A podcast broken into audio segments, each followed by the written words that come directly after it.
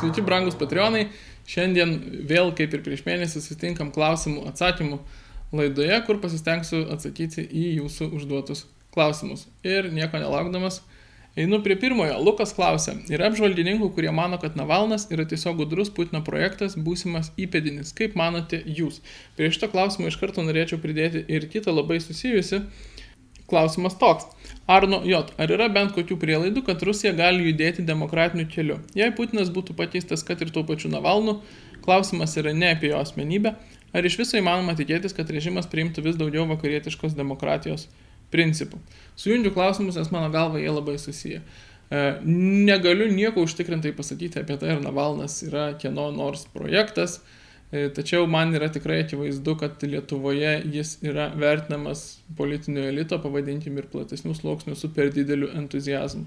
Ganėtinai unikalu yra, kai mm, šalis ir ypač konkrečiai žmonės Lietuvoje, kurie visada smergdavo bet ką, kas pasisakydavo už Rusijos imperializmą, prieš Lietuvos valstybingumą, e, prieš kitų Rusijai kaiminių šalių valstybingumą, e, dabar daro ypatingą išimtį Navalnui dėl to, kad jis yra na, demokratinis protestuotojas opozicija prieš dabartinį Putino režimą.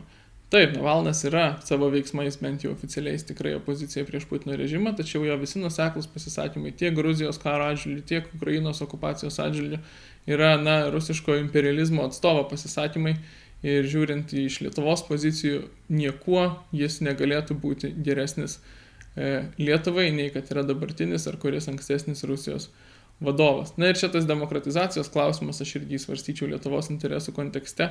Dažnai pasigirsta Lietuvoje pasvarstymų, kad štai jeigu pavyktų nuversti ar kažkaip nusendinti, pakeitinti kažkaip Putiną kažkokiu demokratiškos opozicijos lyderiu, tai, na, būtų daug geriau.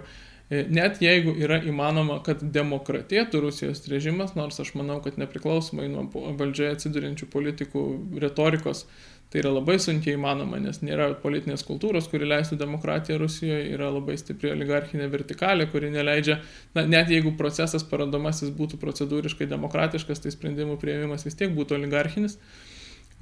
Tačiau visa tai niekaip negalėtų pakeisti Rusijos to tokio imperinio agresyvaus požiūrio į savo kaimynus. Ir mums e, Rusijos demokratėjimo, į kurį irgi labai skeptiškai žiūriu, klausimas yra antra eilis. Pirmiausia, svarbu, ar Rusija lieka imperialistinė su Navalnu ar bet kuriuo kitu man šiandien įsivaizduojamu Rusijos e, lyderiu, jie vis tiek tokie būtų. Perspektyva nėra gera, atleiskit man už tai. Birdau klausia ir e, leisiu savo sutrumpinti klausimą, ar nenorėtume išleisti propatrijos atributikos, kokių nors rūbų, podelių, kilimėlių ar panašiai, kaip daro laisvės TV. Iš tikrųjų, aš tai visai norėčiau, aš mačiau komentaruose pamastymą apie tai, kad mūsų simbolika yra vytis ir dėl to čia yra kažkokių teisinių niuansų, bet nėra čia tų niuansų, esame išsileidę džemperius, patys propatrijos nariai kadaise, iš tikrųjų tą būtų galima daryti ir plačiau, iki tol kol kas nepriejo rankos, rašykit, komentuokit, siūlykit idėjas, kas jūsų manimų būtų tai, kas reikalinga ir įdomu ir patrauklu mūsų sėkėjams, o gal ir platesniai publikai. Bent aš iš principo nieko prieš. Neatsakinėsiu į klausimą apie tai, kodėl Gabrielius Landsbergis nusiskuto savo esą musulmonišką barzdą, bet atsakysiu į klausimą apie tai, kodėl Lietuvoje prasidėjus deplatforminimo vajui visas puolimas buvo koncentruotas į Bačiulį ir Ramanauską. Jaunas PSPMI komunistas netgi siūlė imtis priemonių pašalinti Bačiulį iš visų socialinių tinklų. Iš tikrųjų, pats pirmas, bent jau mano pastebėtas pasiūlymas, kai prasidėjo deplatforminimo vajus, tai yra bandymas užčiaupti įvairius neteisingai mąstančius, tai yra neprogresyviai mąstančius e, viešuosius asmenis, buvo apie Bačiulį Ramanauską, konkrečiai Bačiulį, kodėl Ramanauskas su juo bendradarbiauja, galėtų jį mesti ir tada Bačiulis nieko nebegalėtų daryti. Aš nemanau, kad tai buvo kažkuo labai išskirtinis dalykas ir iš tikrųjų, kai šiandien, va praėjus dar porai savaičių nuo to įvykio, žiūrim atgal, tai matom, kad to deplatforminimo pavyzdžių yra įvairių ir daugiau ir jų tik daugės. Ir aš manau, kad pagrindinė priežastis yra čia net ne tai, kas įvyko JAV sausio pradžioje, bet tiesiog tai, kad naujoji valdžia, taip pat kaip ir korporacijoms JAV Bideno valdžia, taip pat ir Lietuvoje liberalų koalicijos valdžia tiesiog suteikia drąsos ir tokio užsidėgymo komjaunuoliško užčiaupinėti tuos, kurie visada nepatiko bet kažkaip būdavo nedrįstama prieš juos prasižioti arba juos užčiaupti. o dabar jau drįstama. Visada jausmas, kad valdžia yra tavo pusėje ir valdžia pati linkusi čiaupti kitus, suteikia drąsos ir noro imtis va, tokių veiksmų ir tokių raginimų, aš manau, tik daugės, kaip ir tokių visokių atleidimų, atsistatydinimų, nutildymų irgi tik daugės. Tai yra tiesiogiai susijęs su tuo, kas yra valdžioje ir kaip drąsiai ar nedrąsiai jaučiasi kitą minčių užčiaupinėjimo šalininkai. Ar sulauksime Dovilo Petkaus laidų su Jurga Lago arba Vytautu Sinica? Kadangi Dovilas Petkus yra laidos vedėjas ir kviečiasi pas save svečius savo nuožiūrą, jo reikia klausti, kas kada pasirodys jo laidose, jis tai slepia nuo savo kolegų, skaitant ir nuo manęs. Jurga Lago taip pat kviečiasi savo laidose vis kitus žmonės, ji yra Ispanijoje, bet gal tai nėra didelė kliūtis, nes jos laidos vyksta nu, online konferencijos principu. Pasižiūrėsime, kas ten kada pasirodys, gal kada nors kas nors kur nors pakvies ir mane. Vytautas prašo pakomentuoti e, tą faktą, kad cituoju Rakutis užsitraukė nemalonę, Bet šios savaitės epizodas yra visas apie tai, na ne tiek apie Rakučio asmenį, tiek apie tai, kodėl apskritai pasisakantis taip, kaip pasisakė Rakutis ir panašiai, užsitraukia nemalonę plačiaja prasme. Tai tą reiškinį tikrai analizuojam laidoje ir čia išsiplėsti apie tai neverta. Lukas klausia, kokiomis priemonėmis siūlytume pažaboti socialinių tinklų cenzūrą. Na, iš esmės priemonės visada, bet kokiems klausimams šiais laikais yra dvi - arba įstatymai, arba rinka. Konkurencija tose šalise, kur neįmanoma įstatymais pažaboti cenzūros. Vadinasi, tose šalise, kaip Lietuva, kur atrodo valdžia nėra linkusi matyti cenzūros problemos ir kažkaip su ją kovoti, belieka tik tai alternatyvų kūrimas. Kol kas aš sakyčiau, ta socialinių tinklų cenzūra Lietuvos nėra labai jautriai palietusi, nors apraiškų tikrai yra ir žmonės man vis dažniau parašo apie tai, kad juos užblokavo po vieno ar kito žodžio, bet, na, yra situacija tokia, kokia yra dabar. E, šiaip jau siekėmybė ir vienintelis mano galo perspektyvus kelias yra politiniai sprendimai. Politiniai sprendimai tokie kaip dabar svarstamas projektas Lenkijoje, kai valstybė tiesiog savo įstatymais nusprendžia, kad jos vartotojams, čia sakykime, žmonėms su IP adresu vedančių į tą šalį, e, negali būti taikomi jokie cenzūros elementai, jeigu jų įrašai neprieštarauja šalies įstatymams. Tai yra joks administratorius, moderatorius socialinio tinklo negali priimti sprendimo, kad vienas ar kitas pasisakymas yra blogas jo nuomonė, ją gali tik vertinti ir pasisakymas prieštarauja galiojantiems šalies įstatymam. E, tokį sprendimą svarsto Lenkija, šiaip jau tą pačią linkmę daug kalba, nors kol kas dar rodos nieko nedaro įvairios Europos šalis. Europoje vis dėlto į socialinių tinklų laisvę cenzuruoti savo vartotojus pažiūrėta griežčiau negu JAV, tikėkime, nors kol kas nematau jokių ženklų, kad įmanoma link to judėti ir Lietuvoje. Jeigu šita Lietuvos valdžia niekaip nejudės to link, galim tikėtis, kad galbūt kituose rinkimuose e, žodžio laisvė ir, ir skaitmeninė cenzūra taps vienu iš rinkimų klausimų bent jau jaunai kartai. Martinas Inocentas klausia, labai įdomaus klausimo. Politinio diskurso perspektyvos Lietuvoje ir Europoje. Ar matote šansų viešajam aukšto lygio politiniam diskursui pakilti iš pragmatiškos paradigmos, ūkvediško pinigų skirstimo ir pagaliau kalbėtis apie kilnesnius vertybinius klausimus? Geras klausimas, labai to norėčiau, prielaidų nematau labai daug. Iš tikrųjų, e, sakyčiau, tarp dviejų dalykų esame įstrigę. Viena visuomenės dalis, apskritai pradėti gal reikia nuo kitko. E, kalbama viešumoje, bent jau bandoma kalbėti dažniausiai tai, kas na, sulaukia dėmesio, visuomenės susidomėjimo, vadinasi, yra jai aktualu. Na, tas galbūt negalioja LRT, kuri turėdama biudžetinį finansavimą gali sauliaisti kalbėti, kas patinka patiems žurnalistam ir vadovam, e, bet komercinės medijos, žiniasklaidos priemonės šiaip jau stengiasi atliepti kažkokį susidomėjimą visuomenėje ir žiūri į reitingus. Taigi, ko nori visuomenė? Visuomenė iš tikrųjų vis dar nori, ir sakyčiau, rinkimų E, rinkiminis elgesys tą rodo ir apklausos įvairios tą rodo, kad tie pragmatiniai ūkvidiški klausimai, kaip jūs sakote, jie yra tie, kurie žmonėm yra įdomiausi, žmonės nori juos suprasti.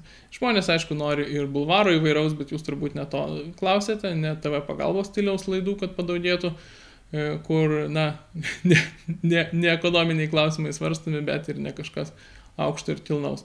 O štai tokių laidų, kurios aptarinėtų kažkokias vertybinės takos, tai yra kultūrinius klausimus, tapatybės klausimus, istorijos klausimus ir panašiai, aš nežinau, kiek jų gali daugėti ir aš truputį bijau, kokią formą jų gali daugėti. Nes e, viena vertus to poreikia visuomenėje, aš nežinau, aš manau, kad jis yra gan lokalus, susibūrintis į socialinius burbulus, tas poreikis ir mes patys vieni kitus matom tuos norinčius matyti tokį turinį, bet tų norinčių Lietuvoje nėra taip jau labai daug.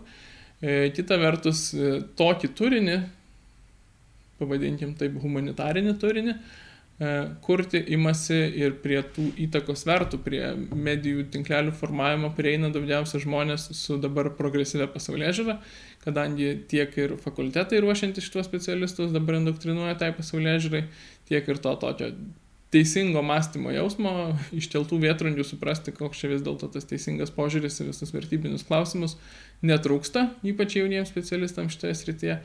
Ir aš galvoju, kad jeigu šiandien kitoms aplinkybėms netintant daugėtų laidų va, tokiais visokiais tapatybės, kultūros, vertybių klausimais, tai jos būtų visos daugiau ar mažiau į kairę, bandančios auklėti piliečius, o ne dalinti skirtingais požiūriais be E, vertybinio vidėjų angažavimuose. Atleiskit už mano skepsį. Dar vienas klausimas susijęs su istorinė atmintimi, bet klausantis šio to, ko aš nepaliečiau tam skirtame epizode. AIS klausia, kaip manote, ar tas LKD galimas, galimas Seimo narių pasidalinimas atminties politikos klausimais ar vyraus lyderių primesta tvarka? Rakučiui tapus komisijos pirmininku atrodė, jog bus nuveikta daug svarbių darbų šioje srityje, nes pirmininkas šį kartą iš teisingos partijos ir nesusilauks tiek spaudimo. E, vis tik, kaip matome, net partijos lyderiai jį puola dėl nežinia ko. Ar sprendžiančius klausimus neliberalūs partijos nariai turės galimybę rinktis pagal savo norą, ar tai bus vertybinis partijos reikalavimas. Sunkus, aišku, klausimas ir galim jo tik spekuliuoti, bet paspekuliuoti atrodo verta. Aš manau, kad e, konkrečiuose balsavimuose E, gal ir galimas laisvas balsavimas, bet reikia suprasti ir tą jau buvo galima pamatyti, pavyzdžiui, praėjusioje kadencijoje tas LKD nariams balsuojant dėl e, asmenvardžių rašymo pasuose. Tas nesimatė žiniasklaidoje, bet tas labai matėsi Seimo koridoriuose ir Seimo salėje. Nors balsavimas laisvas ir Tevinės sąjungos balsai pasidalino įvairiai, jie nepasidalino pagal tai, kaip iš tikrųjų jautėsi jos nariai, nes buvo labai daug vadovybės neformalaus spaudimo įvairiausiams partijos nariams balsuoti teisingai. Tai štai aš manau, kad daugumai istorinės atminties klausimų taip ir būtų elgiamasi partijos vadovybė oficialiai leistų laisvą balsavimą ir būtų įvairių tų balsų, bet būtų pasistengta, kad neteisingų balsų būtų nedaug tik tokie ryštesni kažkokie išsišokėliai nuo naujos mm, partijos liberalios linijos galėtų tai balsuoti, o ta tokia, pavadinkim, e, pilkesnė partijos dalis be ryškių vertybinių angažavimuose balsuotų taip, kaip reikalauja vadovybė. Nors oficialiai balsavimas būtų laisvas. Kitas dalykas gal yra svarbesnis, ne tiek kaip balsuotų tais klausimais, kiek kokie klausimai apskritai būtų leisti iškelti. E, ką būtų kėlęs valdas Rakutis e, kaip darbo atvartės klausimus istorijos politikos rytyje. E, jeigu nebūtų įvykę šito skandalo, jeigu jis nebūtų susilaukęs viso to polimo, aš manau, yra vienas dalykas. Ir dabar po šito skandalo daugumos tų klausimų jis nebegalės iškelti.